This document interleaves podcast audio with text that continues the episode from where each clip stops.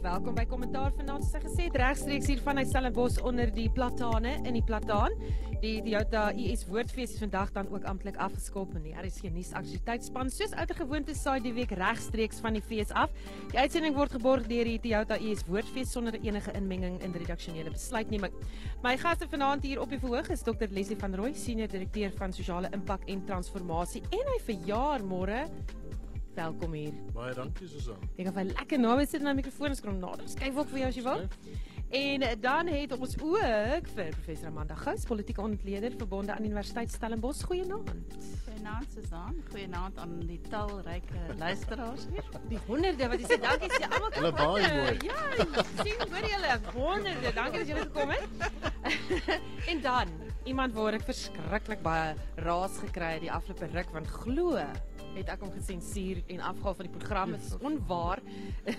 Jan Jan Joubert, joernalis en politieke skrywer, baie welkom hier vanaand. Baie dankie Susan. Ja, ek's terug uit Nederland uit. So, ehm um, sal my bes te doen en so lekker om uit te saai saam met jou en Leslie en Amanda. Nie net slim mense nie, maar nog lekker mense ook. Ek het gehoor jy gaan sing vir Leslie. Uh, dit moet hy Ek dink dit moet ek dink uh, ja ja, En ek sal nie- dit môre nie doen. oor die lig nie. Sjoe. Bly as ek jy verjaar nie nou nie want dan het RSG luisteraars verloor hand oor Goed nee, Ja. stop, moenie dan glad nie aan nie. En so, nou ja, my klankregisseur hier by die fees is Kilian Abrams en Garnet en Queen Kika. Asook 11 September in sy span van die Woordfees en die man agter die stuur van sake in Johannesburg in die ateljee is Lau Pieter se. My naam is Susan Paxton.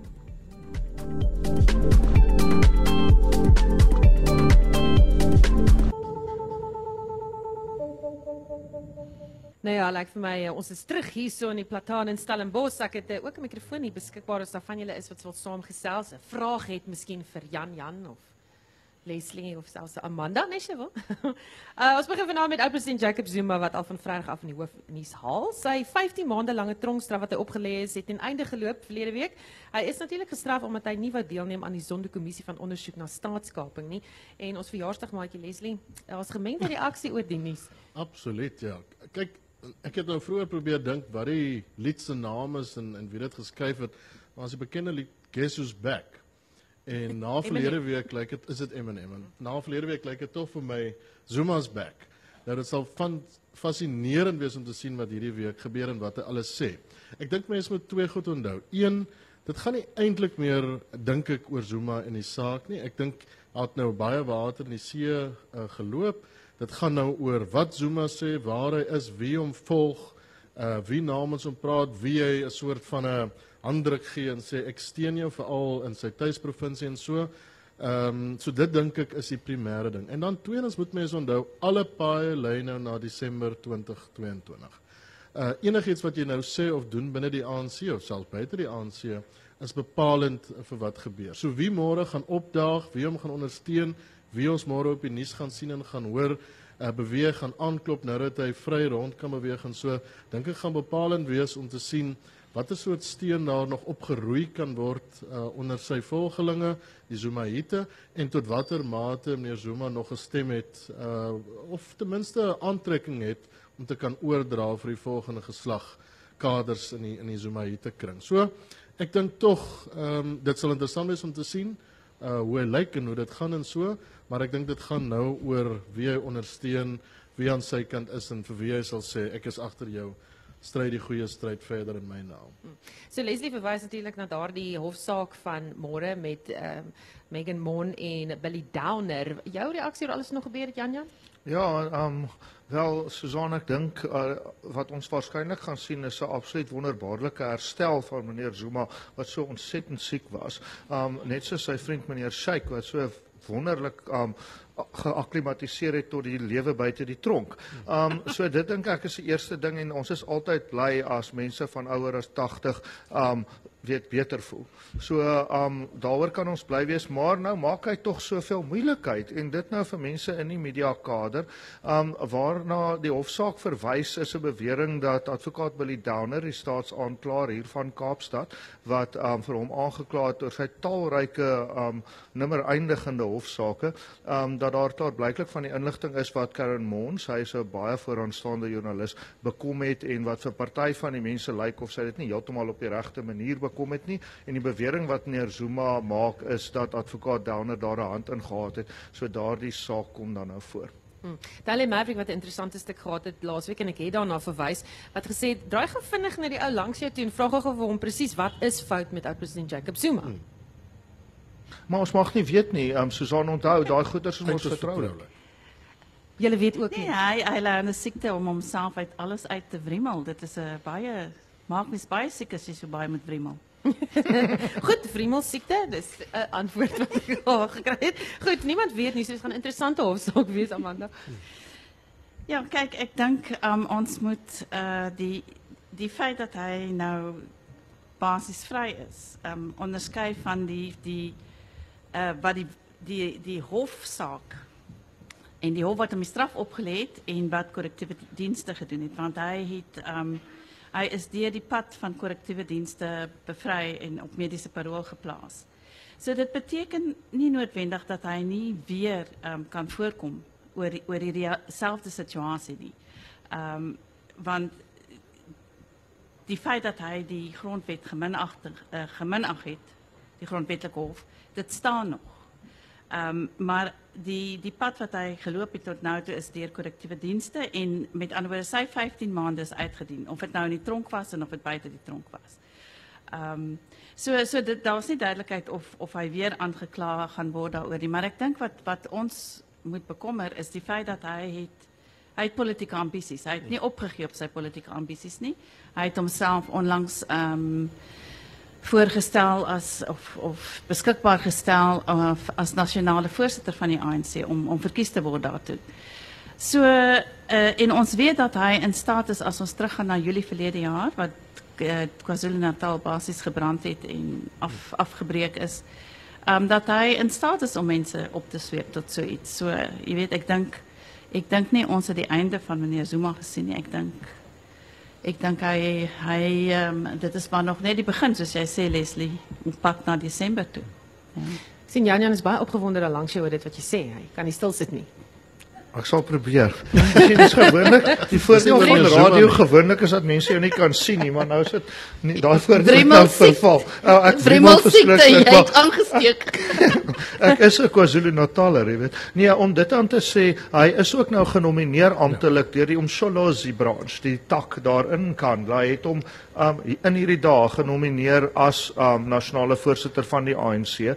So die ou baas is aan die gang en mense moet daar mooi verstaan hoe hierdie prosesse werk. Die feit dat die um provinsiale leierskap van die ANC hom nie genomineer het nie, was baie verrassend, maar dit tel nie want dis die takke wat nomineer. Hierdie uh, wat die um, ANC provinsies doen is maar eintlik wenke. So meneer Zuma is daar, hy gaan 'n veldtog voer en lesers moet of luisteraars moet maar die die Valium neem geestelik want daar gaan mense is wat hom ondersteun, maar so is die hele wêreld ook nou in die KwaZulu-Natal nie. Ja, maar die ANC leier en president is nou Cyril Ramaphosa het gesê die party is verlig dat die tydperk nou verby is, hierdie hele uh, tronkstrafparool en dat Zuma in 'n adviserende rol eerder moet optree vir die party. Ja, ek dink dis sy teken om te sê, ja, meneer Zuma, dis nou tyd dat ons hierdie ANC probeer om ten minste deur 'n verkiesing te kry of om nog te red wat te redde is. En natuurlik is hy deeglik bewus dat sy teenstanders uit die kringe van meneer Zuma kom. Die KwaZulu-Natal gesinde kringe wat 'n ander ANC wil hê, eh, die een van meneer Zuma. So hy is deeglik bewus daarvan of dit moontlik is meneer Zuma om die rol te vervul wat hy graag wil vervul of weer wil vervul. Dit sal die tyd leer, maar ek dink meneer Ramaphosa probeer ten minste sê Ehm um, ons moet iets doen om die ANC deur die verkiesing te trek. Ons moet iets doen om ten minste 'n sein te gee dat daar iets is soos een ANC wat ons weet nie bestaan nie. En meneer Zuma, jy moet nou jou rol speel as jy enigsins dink uh dat jy nog gestem het binne die ANC. Of meneer Zuma dit sal doen, dit twyfel ek baie sterk en natuurlik diegene om hom is die persone wat anti-Ramaphosa en die denke van die president tans is. Ook ook binne sy gesin, né? Ook binne sy gesin, ja. Goed, dit is 'n interessante hele scenario om dop te hou uh van sy gesin of sy ondersteuners, maar iets wat ook vir my interessant is en Amanda het dit genoem en ek wil graag dit na jou kant toe gooi Leslie, maar uh jy weet hy is nou vir jeug hy's 'n vry man.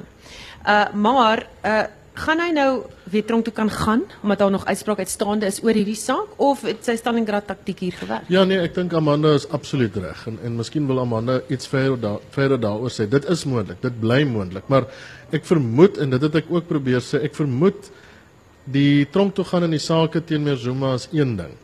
Uh en dit kan tot in der ewigheid aangaan en hy kan weer siek word en daar kan 'n tegniese punt wees en dit kan uitgestel word en so.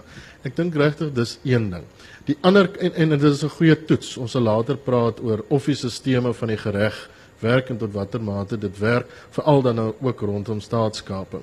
Dis die een kant van die saak. Die ander kant van die saak is dit as hy vry is en hy kan rondbeweeg en hy kan by byeenkomste wees en hy kan deur sy kiesersafdeling sy wijk ehm um, verkies word of genomineer word en hy kan publieke platforms wees, wat gaan hy sê en wie gaan rondom hom wees? Dit sal die groot vraag wees oor die komende maande. Hmm. Hy het ook nie regtig al iets gesê oor Pala Pala nie. Nee. Nee, hy, hy het hy het nie gesê nie. Um maar ek dink ook die feit dat hy wel betrokke raak by die ANC op die oomblik, jy weet, um, is is problematies en daar is ander hofsaake en regter Koen wat by een van hulle betrokke is, is het nou aansoek gedoen om of hy's 'n kandidaat om na die appelhof te gaan. So as hy suksesvol is, dan beteken dit daai daai hofsaak moet van voor af begin met 'n met 'n nuwe regter. So weet dit is dit is die uitstel ehm tot tot in alle ewigheid. Uh en en en die ding met uh weet sy steen vir uh Nkosazana Dlamini Zuma, sy eksvrou, dit weet Ramaphosa kan hom af hom sê, jy weet dit is nou tyd dat jy soort van op sy staan, maar die die die mag loop op 'n ander manier. Dit loop deur sy eksvrou en sy sy opponeer Ramaphosa, so jy weet ek dink is baie kortsigtig om te dink dat hy gaan ophou. Hmm. Ja. Goed, kom ons beweeg na 'n ander tema, een van my gunstelinge elke week natuurlik, so donker tema. Eskom sal van maandag tot woensdag die komende week weer beerkrag implementeer. Uh rapport se voorblad vandag, uh minister sê jy moet vir hulle krag betaal en dit volg nadat die president die reëls vir die kabinet se bevoordeel voordele reguleer in April dieselfde maand as wat die res van die land se elektrisiteitskoste met 10% verhoog is verander het. So ministers en adjunkte sal nie vir hulle eie munisipale dienste betaal nie byvoorbeeld. Nou wat nou? Ek vind dit absoluut skrikwekkend. Um jy weet elke keer as jy dink as jy dink die president kan jou nie teleurstel nie, dan doen hy dit maar net weer. Um ek dink daar's twee um groot woorde wat vasslaan oor meneer Ramaphosa se termyn. Die een is verbetering op sy voorganger en die ander is algehele teleurstelling oor wat 'n mens gehoop het. Jy weet hy kry so groot geleentheid om hierdie land te regeer, so eer en is net asof hy om elke hoek en draai een ding sê en die ander ding doen. Sy oggend en sy aandpraatjie stem nie ooreen nie en hierdie is laakbaar. Dit is verby laakbaar. Hierdie mense kry meer as 2 miljoen rand 'n jaar en baie van hulle doen bittermin. Bittermin. Daar's soveel mense in hierdie land wat so min het en wat glad nie hierdie kry nik hulle nog meer. Nee meneer Ramaphosa moet maar probeer verduidelik maar ek bevrees die waarheid staan sterk hierso en die waarheid is hom nie goed gesind nie. Hm. Jy sien die knikkie ligte hmm. ook nou toe jy Ja, hy so nou vir 'n oomblik was daar so knipoog van Eskom af. Eskom luister. hulle wil uh, betaal word. uh, Amanda nie net uh, gaan hulle nie betaal vir hulle eie dienste nie, ook gaan hulle nie beerkrag ondervind nie, maak nie saak waar hulle is nie. En ehm um, ek en jy gaan steeds in die donker sit en jy hoeka sit hier met 'n rugbesering na 'n beerkrag ongeluk. Ja, inderdaad. Wel, je weet, ik denk dat is, dus Jan Jan zei, dit is, dit is laagbaar. Um, ons moet onthouden dat hierdie, hierdie min, um, ministers het nie net een huis nie, hulle het twee huise. En hulle het kragopwekkers waarvoor hulle ook nie vir die diesel betaal nie. Um so so wat dit vir die bevolking sê en ek dink weet dit is die die handboek vir die ministers wat verander is. Nou die eerste vraag is, hoekom is dit nie op die vloer van die parlement bespreek nie, né? Hmm. Dit is iets wat agteraf gedoen is. Dit is blykbaar deur uh, die president alleenlik gedoen en het ook die die ehm um, begroting vir die motors wat hulle kan koop hoër gemaak. So dink hy dat dat hy op hierdie manier gaan stemme trek in in Desember? Is dit hoekom hy dit doen? of het is dit net so 'n absolute minagting vir die Suid-Afrikaanse bevolking. En en met ander woorde die die elite politiek, die arrogansie van die ANC spreek so duidelik uit hieruit. Jy weet dit is asof hierdie ministers absoluut op 'n vlak is waar hulle onaantastbaar is. En en dit dra sy goedkeuring weg. Dit is regtig, dit is laakbaar soos Jan Jan sê. Lesie nie net stil stil gedoen nie. Nie net gaan dit ons dit betaal nie, belastingbetaler hierdie betaal nie. Uh maar uh daar's intussen watertekorte ook omdat al die reservoirs nie kan volloop nie weens die beerkrag. Ja. Miskien moet ek dit net in konteks stel. Ons is op Stellenbosch en op die amper op die kampus van die universiteit. Oor die afgelope paar maande, spesifiek die afgelope 2 maande, betaal die universiteit 5 keer meer vir elektrisiteit wat opgewek is uh deur dieselkragopwekkers uh, per kilowatt is wat hy sou betaal uh met 'n Eskom stelsel wat eintlik moet werk. 5 keer meer. Die fees betaal omtrent 'n half miljoen rand meer aan diesel en kragopwekkers uh om te kan bestaan. Ek meen dit is absoluut absurd. Dit binne 'n konteks van 'n land wat die tegnologie het, die moontlikhede het en die natuurlike hulpbronne het om te verseker dat ons eintlik nie hierdie probleem moet hê nie. 5 jaar, 10 jaar terug kon jy nog sê ons ons het nie die battery kapasiteit in Suid-Afrika of in die wêreld om krag te kan stoor en te kan hergebruik nie en alles was toe aansienlik duurder en so. Ons het gewoon nie meer daai verskoning nie. Ons moet in hierdie land glad nie hierdie probleme hê nie. Uh maar ons het nie uh die bestuur en die bestuursmoontlikhede om dit waar te maak nie. En dan kom 'n president en hy sê wel Sorry, julle sit oor die afgelope paar dae met die ergste beurtkrag nog sedert 2008.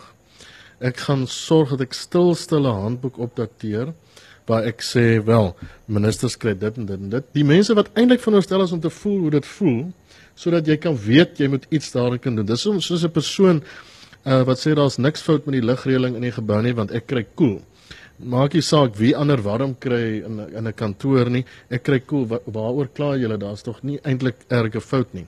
En dan sien ons iets van die verkrummeling van die infrastruktuur uh, wat daarmee gepaard gaan. En dit is eintlik maar die krake uh, wat lank al begin wys, maar wat nou ewe skielik, jy weet, op 'n soort mespunt begin draai. Want hoe gaan ons nou? Hoe gaan ons dit nou bestuur? Hoe gaan dit uitspeel?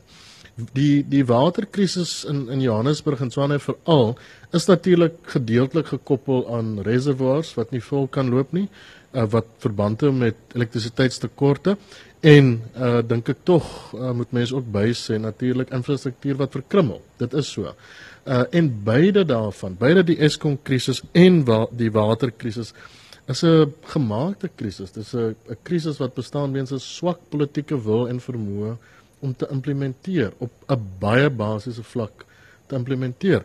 En dit moet ons ongelukkig voor die deure van ehm um, nie net hierdie regering lê nie, maar die vorige regerings uh, veral ehm um, ja, die, die afgelope 2, 3 regerings. Het hierdie die moontlikheid om mense kwaad genoeg te maak dat hulle strate toe sal gaan, Amanda? Ek weet nie, weet ons is soos die die paddas wat in die koue water op die stoof gesit word en dan word die water nou maar so saam met ons warm. So hier is ons nou 2008 het dit begin. Ehm um, en uh, ons is nog nie in die strate nie. Ek dink in kleiner plekke met met baie groot probleme is mense in die strate, maar die middelklas hou nog uit.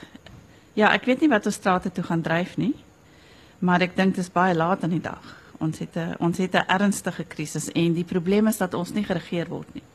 Daar, jy weet, as ons praat van regeerkunde, dan is wat die die regering doen en nou praat ek op al drie vlakke, eh, plaaslik, provinsiaal en nasionaal.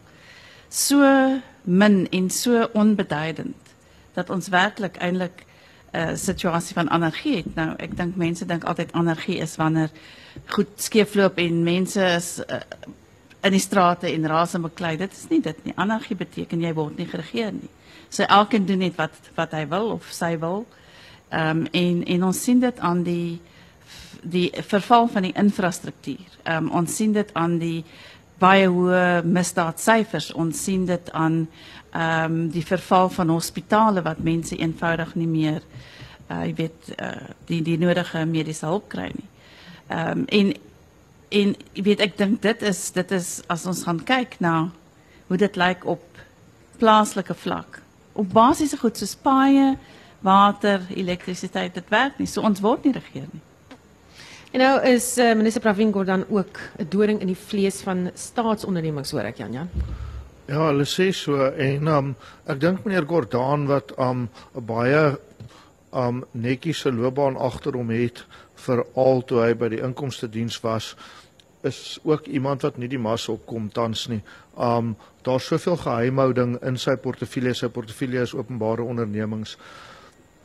As ons by Palapala kom, gaan ons dieselfde vraag vra. Maar waarom sal jy dinge wegsteek?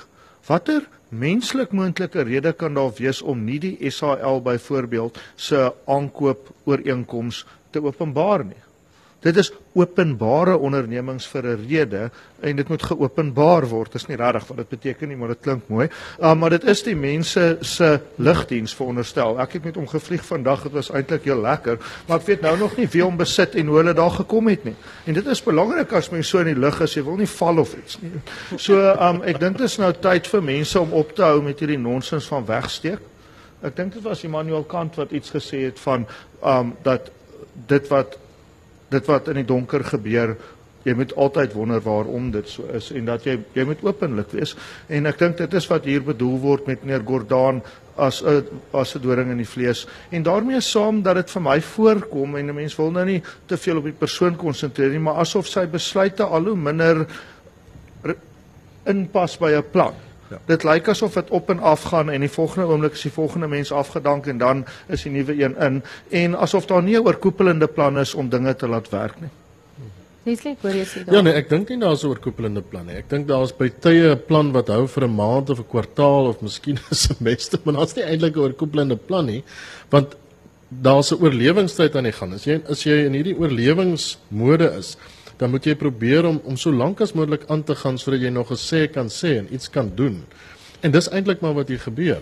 Daar's nie 'n langtermynplan met met die die publieke ondernemings, die staatsondernemings nie. Daar's nie 'n langtermynplan vir 'n soort oorgang byvoorbeeld uh in in in energie sake en so nie. Daar's 'n manier om die bal vorentoe te skop of om dit aan te gee na 'n volgende uh, kommissie of 'n uh, 'n volgende raad toe van Eskom wat kan blyklik die een sal wees wat dit sal oplos en so. Ek dink daar's geen plan nie. Al plan wat daar is is om tot 'n mate polities te oorleef uh, en om te kyk waar jy uitgeskop gaan word of ingeskop gaan word na Desember. Daar daar lyk vir my is absoluut geen plan nie. En ek ek meen jy jy kan nog aan die een kant sê miskien is daar iets van die geheimhouding wat uitloop op iets positief, maar ons sien nie daai sein nie. Aan die ander kant sien ons die Helen Joseph Hospitaal wat dokters water moet aandra om seker te maak dat toilette kan spoel. Ek meen dit is 'n absolute skreiende skande uh dat ons nie uh, na ons mense in ons land kan kyk nie en aan die ander kant probeer beklei en veg uh vir staatsondernemings met geen plan en geen moontlikheid vorentoe nie of ten minste so blyk dit te wees. Ja. Goed, uh ek wil nou aanbeweeg na ander storie. Die advokaat Andrea Johnson, die hoof van die nasionale vervolgingsgesag, het die uh, afgelope maand of afgelope week gesê, die organisasie is gereed om die mense wat dink hulle gaan nie vervolg word nie, wel te vervolg, die wat dink dis 'n mite om vervolg te word, sê genoem. Sy het gepraat by die Daily Maverick se boekebekendstelling uh, van die redakteur Phil Hafferty se boek Days of Zonda: The Fight for Freedom from Corruption. Amanda, men mense glo nog enigiets, hulle wil aksie sien. Hulle wil nou nie meer woorde hoor nie. Ja, ik meen die, die vraag is hoe lang gaan ons dan nou vat om die aanbevelings van die zondeverslag te implementeren. Dit betekent mensen moeten vervolgd worden. Nou, zij um, het uh, hoof van die hoofadvokaat van die onafhankelijke onderzoekdirectoraat geworden op die basis die die geloof dat zij, je weet, zij was betrokken bij Celebische vervolging, zij en bij Brett Kebbel en zij het vir ehm um, Gerinel ondersteun met die Oscar Pistorius saak. So sy het baie ervaring. Maar ek dink nie dit berus net slegs by haar nie. Jy weet, ek dink ehm um, die regering het 'n hand in die saak om om dit of te vertraag of glad nie te implementeer nie want daar is net te veel mense wat betrokke is. En dit hulle wil nie hê dit moet gebeur voor Desember nie. So ehm um, jy weet ek ek dink sy kan sê wat sy wil, maar ons moet sien of die geleentheid daar gaan wees om mense te vervolg. Um, ek dink daar's 'n sterk aanduiding te vind in 'n ander saak. En as ek nou bietjie jou nuuslys te mekaar krap moet jy my vergewe en terugkeer na waar jy wil wees. Maar ek dink die hele kwessie wat nou te berde gebring is en nie ontken word deur die presidentsie nie rondom die Palapala vervolging kom nou ter sprake. Want dit wys vir jou hoewel dit nie die vervolgingsgesag is nie maar die openbare beskermer, wys dit vir jou die ingesteldheid van die president oor vervolging en verantwoordbaarheid vir die presidentskap om te probeer aanvoer dat daar nie jurisdiksie is nie. Beteken dit onafhanklik van enigiets dat hulle nie die meriete van die saak wil bespreek nie. Niks keer hulle om dit in elk geval te doen nie. En en wil jy daar in hierdie geval hulle sê dit omdat dit te lank terug was.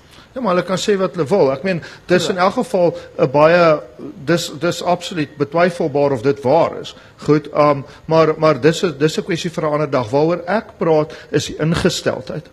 Die die leierskap moet van bo af kom en daai ou Kaapse uitdrukking 'n vis vrot van sy kop af. Want daai kop is vrot as die kop nie wil praat oor iets wat so duidelik iewers verkeerd geloop het nie en nie wil verduidelik nie en nie wil verantwoordbaar gehou word nie.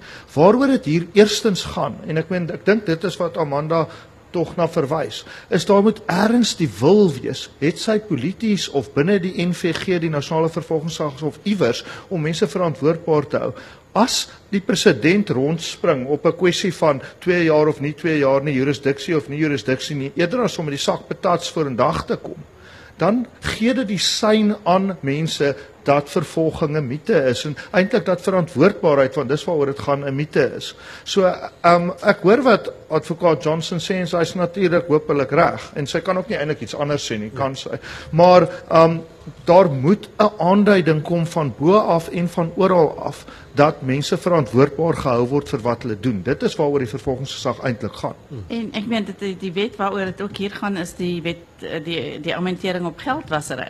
En as ons nou praat van Palapala dan is die een groot vraag was dit geldwasery, nê? So sy moet eintlik met die president begin. Ja. En dis ook 'n groot ding waarop hy aanspraak maak is dat dis te lank terug om te bewys dat of my te veroordeel oor geldwasery. Ja, kan ek kan ek 'n punt maak voor ons oor die geld was? ek weet dit is 'n absoluut fascinerende saak. Die hele wêreld sê Suid-Afrika ons sal jou help om staatskaping te beveg. Ons help jou met die uitleweringe van die Guptas. Die Verenigde Koninkryk maande voor Suid-Afrika by die punt gekom het om te sê geen kontrakte met Bain & Co nie. Uh sê ons gee sterk sy en dit neem ons maande daarna uh om te besluit ons gaan nie meer kontrakte met Bain and Co aangaan nie. En dit wys na absolute verstaan dat jy eintlik maar kan wegkom met wat jy wil. Ek het nou die naweek te veel tyd gehad ehm um, ter voorbereiding van Jan Jan se sanglesse môreoggend uh, en en Steinhuis gekyk. Ek meen as jy Steinhuis kyk dan weet jy in hierdie land as jy slim genoeg is, vaardig genoeg is en genoeg geld het, um, dan kan jy eintlik wegkom met baie meer as wat jy veronderstel is om weg te kom. En dit is wat Bain & Co aangespoor het om hulle rol te speel. Dit is wat die persoon aanspoor om parte te steel uh in Eskom se stal. Dis wat die persoon aanmoedig om om diesel te steel. Uh dit is wat die individu langs die straat aanmoedig om te sê wel, kom ek kyk waar ek kan help en waar ek 'n gedeelte kan kry en so daar is net 'n absolute verstaan van dat jy jy kan wegkom met iets. Nou, dit is 'n inherente sistemiese probleem. Jy los dit nie op met 'n persoon nie. Jy het persone nodig aan die stuur van 'n saak om te sê ek gaan dit bestuur, ek gaan dit probeer doen. Daar is Eskom se hoof waarskynlik hopelik 'n goeie voorbeeld daarvan. Maar jy verander nog niks in die stelsel nie. Die stelsel bly. Jy moet sistemies struktureel daarin verandering doen.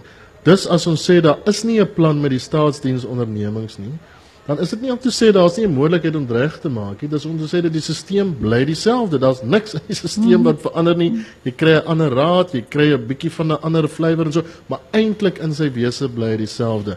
Die groot vraag is hier. Wil almal sê ons sal jou help Suid-Afrika met uitleweringe, ons sal vir jou gee wat ons kan gee as bewyse. Ons ondersoek byvoorbeeld ook die Guptas in hierdie land en in daai land. Kan Suid-Afrika in ons vervolgingsgesag nie by die punt kom te sê daar's genoeg van 'n wil, daar's genoeg van moontlikhede uh om te vervolg nie en sistemies bly dinge dan eintlik maar soos dit is. Hm.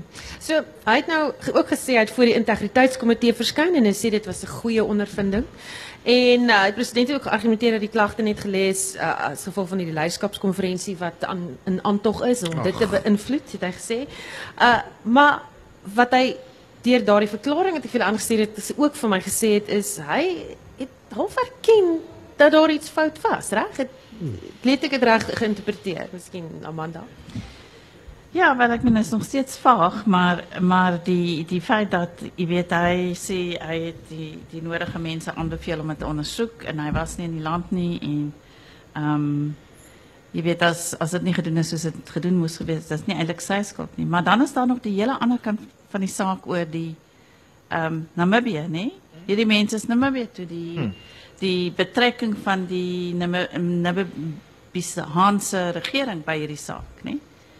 Wat daarvan? Dit is ook 'n probleem. Natuurlik. Dis eintlik Leslie se punt in 'n mate, nê. Nee. Is dat die Namibiërs lyk like of hulle baie meer doen as ons, so jy weet en um, ja, geen disrespek aan Namibië nie, maar werklik waar as Namibië dit kan doen, kan ons aan probeer, nê. Um maar dit lyk nie of ons wil probeer nie en dan sal die sinisie sê ja, maar wie stel die vervolgingsgesag se hoof aan? Die president stel die vervolgingsgesag se ja, hoof aan. En dis nie te sê dat die vervolgingsgesag en sy hoof dan nou verkeerd is nie, maar dis 'n bietjie soos Potifar se vrou, nê. Die vervolgingsgesag moet spesifiek dan hard daaraan werk om dit nie so te laat lyk of so te laat wees nie. En wat meneer Ramaphosa se bondpratery daaroor betref, sal mense weet wat in die politieke kringe beweeg dat daar was sterk gerugte en um en dis meer as gerugte daar was sterk aanduidings dat hy daaraan gedink het om die handdoek in te gooi toe hierdie dinge aan die lig gekom het. So Susan terwyl ek dink is 'n gevaarlike afleiding om te maak dat hy spesifiek enigiets erken is hy bietjie dun op die ontkennings en die spesifieke ontkennings van wat gebeur het en meer spesifiek en dit is tot ons groot punt van verantwoordbaarheid die spesifieke verduideliking oor wat gebeur het. Jy kan nie net sê jong ek weet nie eintlik en en dit was lekker om vir die integriteitskommissie ek seker. Dis die integriteitskommissie van die ANC, sy eie mense. Dit beteken vir my en vir jou niks. Ek meen die hele kwessie van die integriteitskommissie is bietjie van 'n siek grap, is dit nie? Ek meen dis bietjie van 'n misnomer. Dis nie asof dit 'n plek met tande is nie. So ek seker dit was vir hom 'n besonder aangename ondervinding, maar miskien nie vir die res van ons nie. Maar, maar wat doen jy nou? jy's in 'n um, ek meen die ANC is nou in 'n absolute oorlewingsstryd. Het jy een kandidaat wat jy dink jou nog so entjie verder kan vat? Jy moet ook nou kyk na jou eie alliansies met die persoon. Hy moet oorleef. Hy het aan die begin gesê my ek ek my ambisies is nou polities, met ander woorde, ek gaan my integriteit hoog op prys stel ek kan nie meer op hierdie raad dien nie, ek kan nie meer hierdie besighede hê nie, jy kan nie meer sake doen met besigheid X en besigheid Y nie en so. En nou is dit lyk dit of die persoon se hande nie skoon is nie. Maar jy's nou in die middel van hierdie resies op pad na Desember toe. Jy moet nou 'n kandidaat steun, goed ondersteun. Dit lyk nie of dinge so skoon hier is nie, maar wat is nou eintlik jou alternatief? Wat is dit wat jy nou moet doen? Al wat hy weet hy moet doen is om lank genoeg seker te maak dat daar nie binne sy party 'n vraag is wat sê jy kan 'n amp nie meer beklee binne hierdie party nie want in hierdie afvallige integriteitskommissie probeer ons 'n reël toepas dat as jy 'n uh, verantwoording moet doen of ten minste daar 'n openbare klag teen jou is, kan jy nie meer hierdie posisie beklee nie. As dit die geval is, wel, Wie lei ons dan in ja, Desember vorentoe? En en wat beteken dit nou verstaan op sy, nê? Ja. Ek meen, dit is die ding. Elk elkeen wat 'n klag, wel dit moet 'n klag is wat deur 'n deur hof gaan, nê? Uh as veronderstel om op sy te staan. So wat beteken dit vir Ramaphosa? So hy hy gaan alles in sy vermoë doen om dit te verhoed. En kan ek net een ander klein punt maak wat wat my die heel kwaadste maak van ons president se beweerde poging tot 'n ek weet nie redenasie. Dit gaan nie af nie, maar dis nou dis nou sy poging die ego van Ysmagashule en die ego van Zwelin Keys wat mense is wat ewenigs um in groot probleme in die pekel is oor beweerde geweldige ongeruimthede wat dieselfde bewering maak van dit word nou aangewend omdat die ANC 'n interne verkiesing hou. Dis so amper asof die president hom aansluit by hierdie mense Absoluut. asof die wêreld moet stil staan, asof die regstelsel opgeskort moet word omdat hulle 'n verkiesing het. Weet jy, dis so aanmatigend, ek kan dit amper nie verwoord nie. Presies dit. Goed, ons gaan nou eers daar stop op daai baie diep sombere noot. Uh net hierna dan praat ons verder oor ander politieke kwessies en hoofstories in die nuus. En as gewonder van waar ons uitsaai, ons is in Stellenbosch by die Woordfees in die Plataan, onder die platane en uh net hierna gesels ons verder. Onafhanklik, onpartydig. Nou jy luister na kommentaar. My gaste vanaand is Dr. Leslie van Rooi, senior direkteur van maatskaplike impak en transformasie by die Universiteit Stellenbosch, professor Amanda Gous, politieke ontleder verbonde aan die Universiteit Stellenbosch en Jan Jan Joubert, joernalis en politieke skrywer nie verbonde aan die Universiteit Stellenbosch. Student by die Universiteit O, Stellenbosch. oh, jy is verbonde. Goed dan. Reg. Uh koalisiepolitiek is ook oral op die voorblaai. Dit nadat die ANC die Johannesburg Metro teruggeneem het. Een van die koerante se opskrifte is die ANC vat weer sy slaggate in Johannesburg terug. Janja. Ja, Nee, hulle het dit hulle nie. ja, is dit nou. Maar ek dink die interessante ding vandag is in die Sunday Times duidelik hier die ANC um Gauteng hulle um hoe sal ons sê kennisse by die Sunday Times mooi ingelig in verband met wat agter die skerms gebeur. Maar um Gauteng soos ons weet het drie metro's, dit is Johannesburg, Ekurhuleni en Tshwane. En um die klaarblyklike plan van die ANC in um Gauteng en ek weet die EFF sal dit ook ondersteun. Um is dat die ANC dan Johannesburg um regeer, dat Ekurhuleni deur die EFF regeer sal word en in daai geval die eerste is reeds uitgevoer, die EFF um weet ek soek 'n plek om te regeer en hulle wil dit op hulle eie doen. So dit gaan nie deur 'n koalisie wees nie. En um dat dit dan Ekurhuleni sal wees en daar is die uh, um ANC gesinde partye reeds in die meerderheid. En dan kom ons by Tshwane en die onthulling vandag in die Sunday Times en dit strook met my inligting is dat die ANC 'n uh, aanbod sal maak aan Action SA om Tshwane op hulle eie te regeer. 'n Interessante situasie is want um, met die DA wat so hap na Action SA en Action SA wat so terughap um, en die Tshwane Metro wat nou um, as Cope doen wat Cope doen naamlik om saam met die ANC te gaan met 'n meerderheid van 1 regeer word deur die ander partye dan um, sal Action SA 'n moeilike besluit moet neem, naamlik of hulle vir die ANC nee sê en die oppositiebanke sit en heeltyd geboelie word deur die DA in elk geval waar daar waar daar 'n regering is of 'n kans kry om hulle self te bewys, maar dan met die koel met die um met die revolver teen die kop dat dit deur die um genade van die ANC is. So interessante tye voor. My inligting is wel dat hierdie tipe ding tot tot um die werklike aanbod sal eers kom na die 20 um 22 ANC konferensie want um mense van Ekurhuleni van die ANC gaan nou nie dik van die lag wees as die EFF alleen daar regeer nie. So geen Ramaphosa groepering en hulle staan sterk in Ekurhuleni wil dit doen voordat die um voordat die ANC leierskapverkiesing uh plaasgevind het nie. So baie interessante tye voor Wat dit beteken vir die mense van Gauteng is natuurlik 'n ander storie.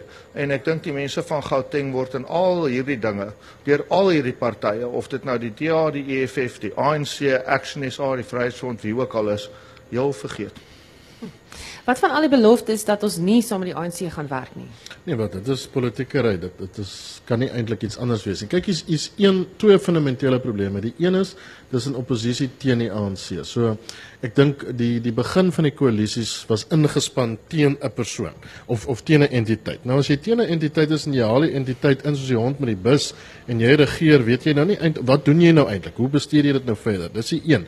Die tweede fundamentele probleem is dis verskillende partye, verskillende identiteite, verskillende verstande, verskillende uh uh uh weet modelle, die aard daarvan verskil so en daar is omtrent geen moeite gedoen behalwe hierdie boelie taktik, miskien waarvan uh, Jan Jan nou gepraat het om te probeer regeer. Dit maak dit eintlik onmoontlik vir 'n koalisie uh om om om te kan reageer en dan al wat die ANC moet doen is en sê is ek kan nog 'n kingpin hier wees. Ek kan nog bepaal wie waar geskuif moet word.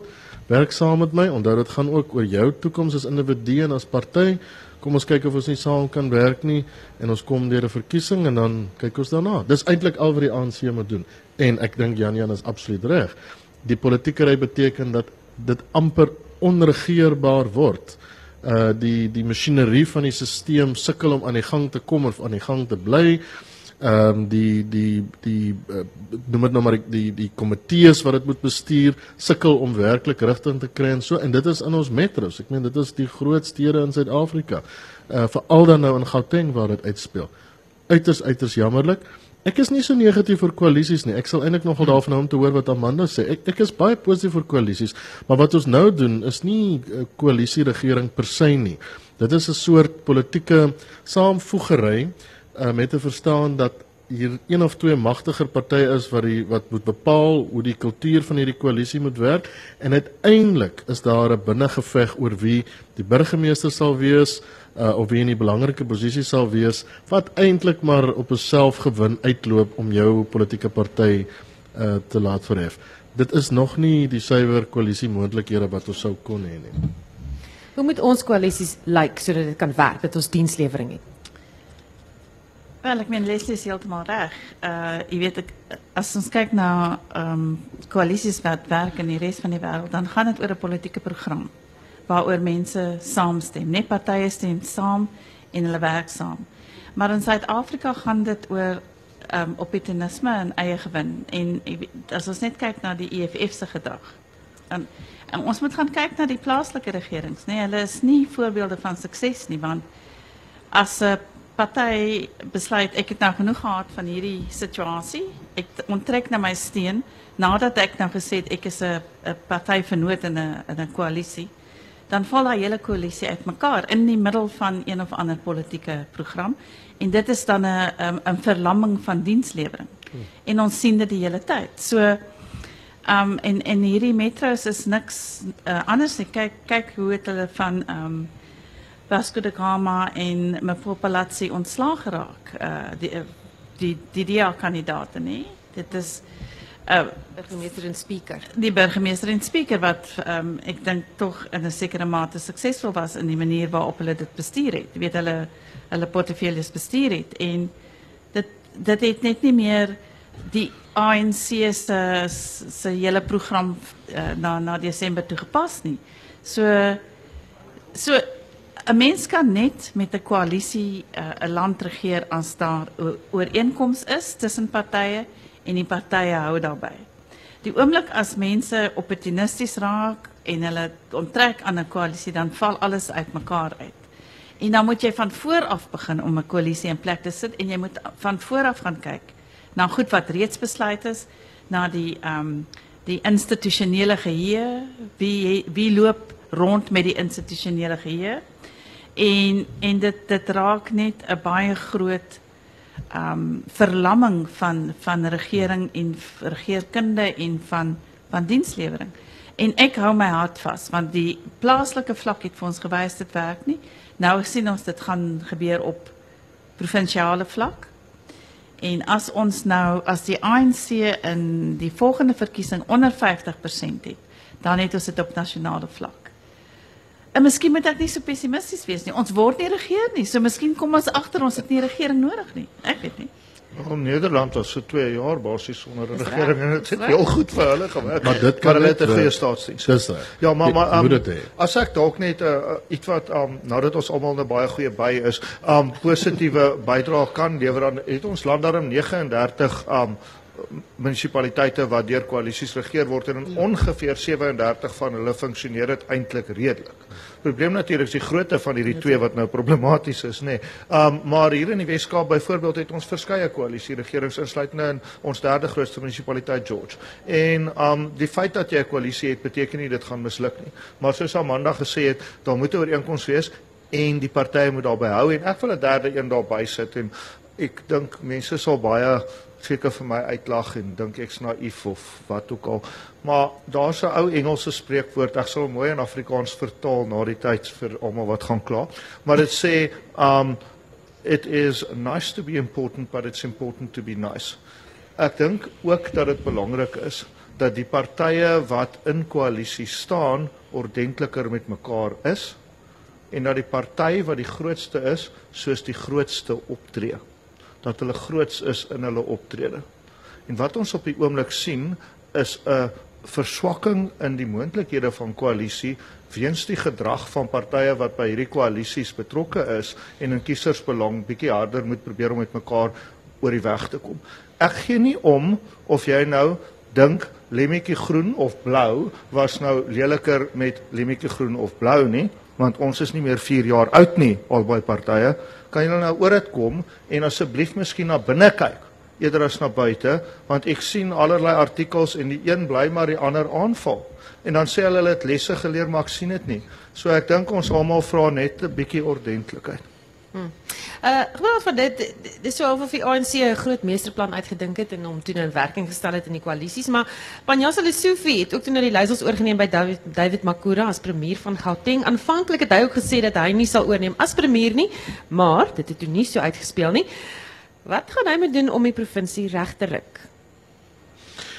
Wel, ek dink 'n mens moet iets van meneer Lesofie verstaan. Dit is 'n ambisieuse persoon. Dit is 'n persoon wat dink hy is tot meer in staat. Ehm um, hy was 'n bitterpuntenerige uh, uh minister van onderwys in die provinsie. Ek meen van die die die die groot planne van die departement tot op die plasing van 'n leerder in 'n plaaslike skool het dit amper gebleik of meneer Lesofie bewus van wil wees of betrokke van wil wees en dis duidelike teken van iemand wat glo hy moet betrokke wees, hy moet verstaan, hy moet daar wees, hy moet kan bepaal. En dit het hom baie goed gepas dink ek dat ehm um, sy voorganger ook ambisie het. Sy voorganger se ambisie is nou op 'n nasionale vlak. Ehm uh, meneer Makura en ek dink meneer Lesofie se pad is ook dit. Uh, en ek dink hy sal alles in sy vermoë doen om dit te laat wys. Nou, uh dis altyd interessant wat die eerste tekens is wat die persoon gee. En ek het nogal gedink sy eerste tekens was spot on. Hy verstaan duidelik die staatsdiens. Hy verstaan duidelik die ten minste hoe die regering moet regeer uh in in die in die op 'n provinsiale vlak op daardie vlak van regering en so. En sy eerste tekens is dat hy uh, op 'n puntenerige manier iets van die soewereiniteit in die in die regeermoontlikhede van die van die provinsie in plek wil stel. Of dit moontlik is, ek meen dit sal ons tyd sal leer en tyd sal baie vinnig leer. Uh, Gauteng is 'n interessante provinsie. Ek dink al die moontlikhede is daar om uh, om hierdie engine kamer uh, van Suid-Afrika en 'n groot deelte van Afrika uh, vir dit om te hardloop. Wat jy nodig het is 'n goeie provinsiale regering om dit te stimuleer. Ek dink daar's grootse denke in meneer Lesofie wat dalk hmm, dalk verstaan hoe dit werk en heel moontlik dit sal wil probeer. So, kom ons kyk ehm um, wat hy doen. Hm. Uh gaan hy ANC weer as 'n voorste politieke party in die provinsie kan vestig, Amanda? Ek dink hy sal laat probeer. Ek meen ek dink hy is bekwam en ek hou van van van van hom. Ek dink as die minister van van onderwys was hy goed.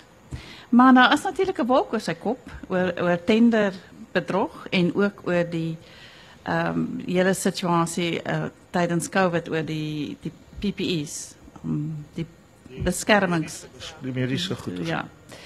Maskers. Uh, die maskers en en wat mense nou die toerusting. ja, veiligheidstoerusting ehm um, die geld gevat het basies om vir toerusting. Ek weet nie wat, maar hulle het Iets gepleeg. was fout. Iemand het iets Ongesonde situasie. Maar maar ek meen ek het hom uh, gister op die radio gehoor. Toe praat hy oor die hele situasie met die hospitale en hy sê byvoorbeeld hy verstaan nie hoekom hospitale ehm um, skoonmakerdiens inkoop nie. Hoekom stel hulle mense aan om die hospitale skoon te maak nie? Nou, ek meen dit dit klink vir my baie logies, né? Maar ek dink hy jy's reg, sy uh, sy s- ambisie is nie die provinsiale regering nie. Dis ja. en en daai pad word nou vir hom oopgemaak, maar ek dink vir die tyd wat hy daar is as die die premier, ehm um, dink ek sal hy sal hy goeie werk doen. Jy weet hy hy is soos jy sê hands on en hy hy wil weet wat waar aangaan en ek dink dit is belangrik. Ja. Dit dit is interessant eh, as ek mag dat hy sy heel eerste teken is die hospitale. Nou dit dink ek doen hy om twee redes. Een is om te sê hier's korrupsie en hy is teen korrupsie. Daar het goed in die onderwysdepartement gebeur, maar hy fokus hierop en en die die die uh MEC uh, is, weg. Ek bedoel daar's die die die ehm um, ja, hy- Life is it the many was nou onder sy Absoluut ja. ja. En en ewe skielik is daar nou baie harder duidelikheid oor uh ja, ek, ek dink hy speel 'n baie baie interessante stel. Asof hy geweet het van die begin af. Daar's 'n klomp goed uh wat hy gaan openbaar. Hy wag vir sy geleentheid. Hy weet presies waar die swakpunt is, waar hy wil wys hy kan bestuur.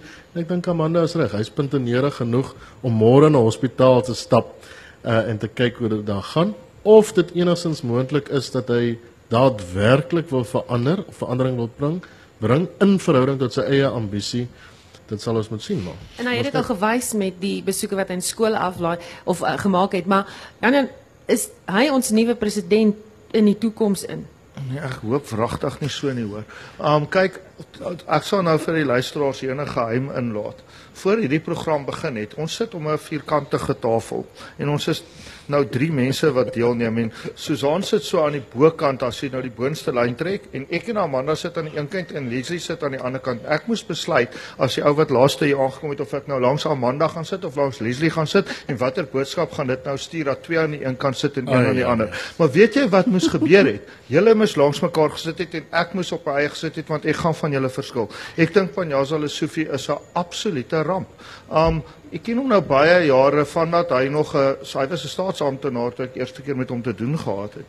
En ambisie die het hy. Maar wat is sy baanrekord? Wat is wat het hy gedoen? Um ek dink um toe hy al die erf vir onderwys geword het in Gauteng, het hy een ding gesê en 'n ander gedoen. Hy het gesê hy gaan swembaddens bou vir skole. Dit was sy groot ding. Daai swembaddens nie gebeur nie is waarskynlik 'n goeie ding gegee dat swembaddens gevaarlik kan wees vir mense, maar dit was sy belofte, dis nie gedoen nie. Wat hy wel gedoen het is om Afrikaanse skole heeltemal buite verhouding te teiken. So baie van daardie skole wat hy besoek het, was sy besoeke nou werklik waar nie in goeie gees nie. Hy het sommer privaat skole soos help mekaar ook geteiken in die tye van COVID.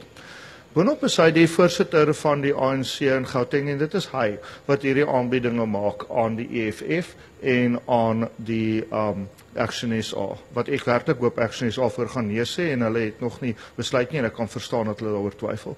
Wat meneer Lesofie aanbetref het ek kom geluister toe ek nou daar bo in Gauteng was en ek ry met 'n Uber deur die strate van Tshwane Pretoria.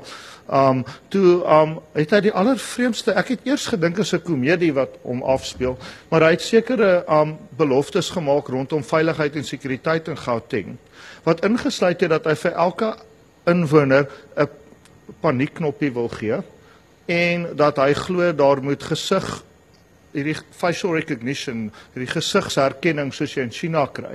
Dit moet nou in Gauteng gebeur. Nou die absolute absurditeit daarvan om dit te oorweeg. Ek meen, wat gebeur as jou 3-jarige per ongeluk die knoppie druk? Hulle weet nie die polisie het nie karre nie. So wat wat gaan gebeur? Ek weet nie.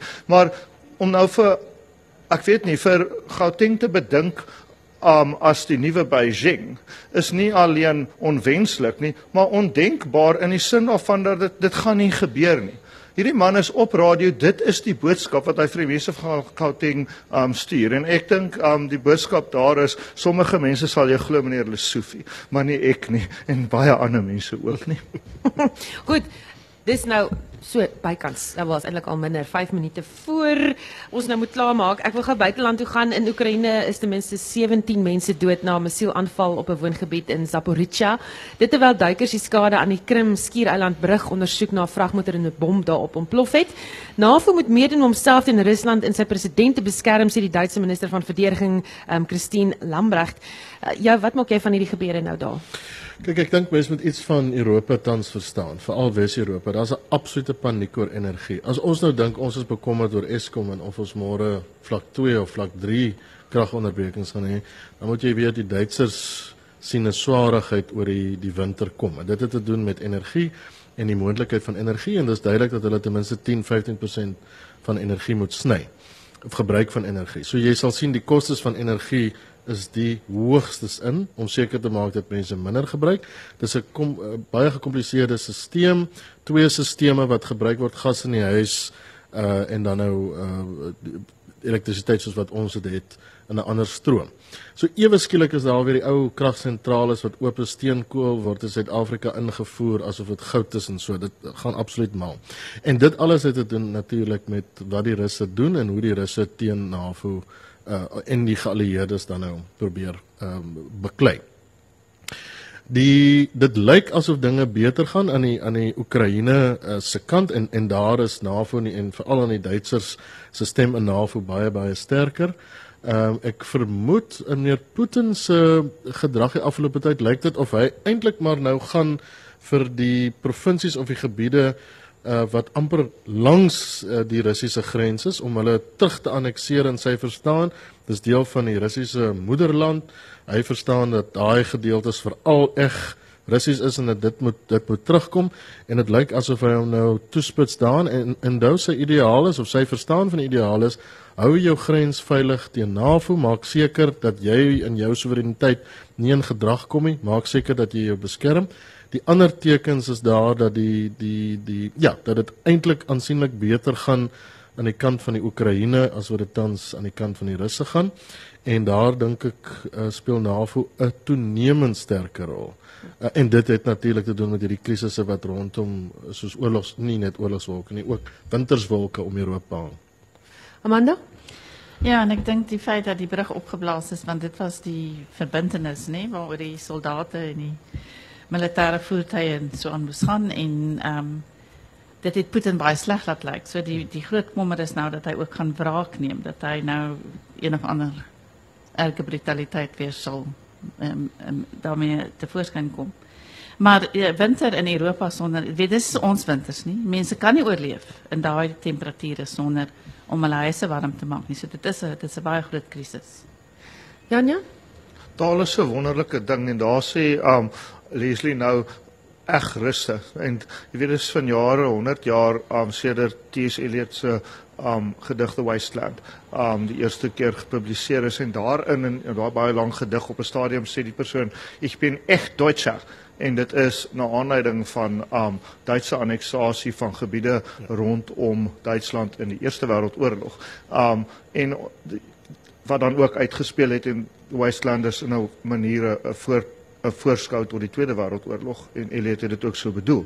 Maar um daai eg Duitse was dis mense byvoorbeeld in die Sudetenland wat deur um Hitler afgeneem is by Tsjechoslowakye destyds en dit is wat um Putin nou probeer doen en tot uh, sekerlik teleurstelling van sy ondersteuners insluitend die ANC en die ANC jeugliga is hy nou besig om kort te kom. So terwyl dit tragies is dat hierdie mense um sterf en hierdie um brûe opgeblaas word, alle infrastruktuur weet ons in ons land is kosbaar, um is dit darm een ding wat lyk asof iemand wat hom nie by die reëls wil hou nie, um besig is om om kort te kom. Maar dat daar groot probleme en beerdkrag voorlê vir Europa en Brittanje. Dit is verseker so. En vir mense wat wil kla oor pryse hier. Ja. Um die pryse van elektrisiteit in Nederland het soveelvoudig toegeneem dat jy dit amper nie kan beskryf nie. Weet jy die die syfer is uit my kop uit, maar ek wil sê met amper 2000% ja, toegeneem in die afgelope jaar. Tja, ons kan nie kla daar dan met ander woorde oor daai pryse nie. Maar dit was dan kommentaar vanaand. My gaste hier op die verhoog was Dr. Leslie van Rooi, senior direkteur van maatskaplike impak en transformasie, wat ook môre verjaar. Professor Amanda Gous, politieke ontleder verbonde aan Universiteit Stellenbosch en Jan Jan Joubert, joernalis en politieke skrywer. My klankregisseurs hier by die VSK in Eybrins asook 11 September in sy span en dan die man agter die stuur van sake in Johannesburg ateljee is Lau Petersen. My naam is Susan Paxton. Onthou môreoggend in te skakel vir monitor tussen 6 en 8. Jy het reg gehoor, dis 2 ure tussen 6 en 8 môreoggend en as jy in die omgewing is in Stellenbosch by die plataan kom gesels saam kom kuier saam kom ontmoet die span. Kyk jy's 'n spinnerak al klaar. My naam is Susan Paxton. Geniet jou aand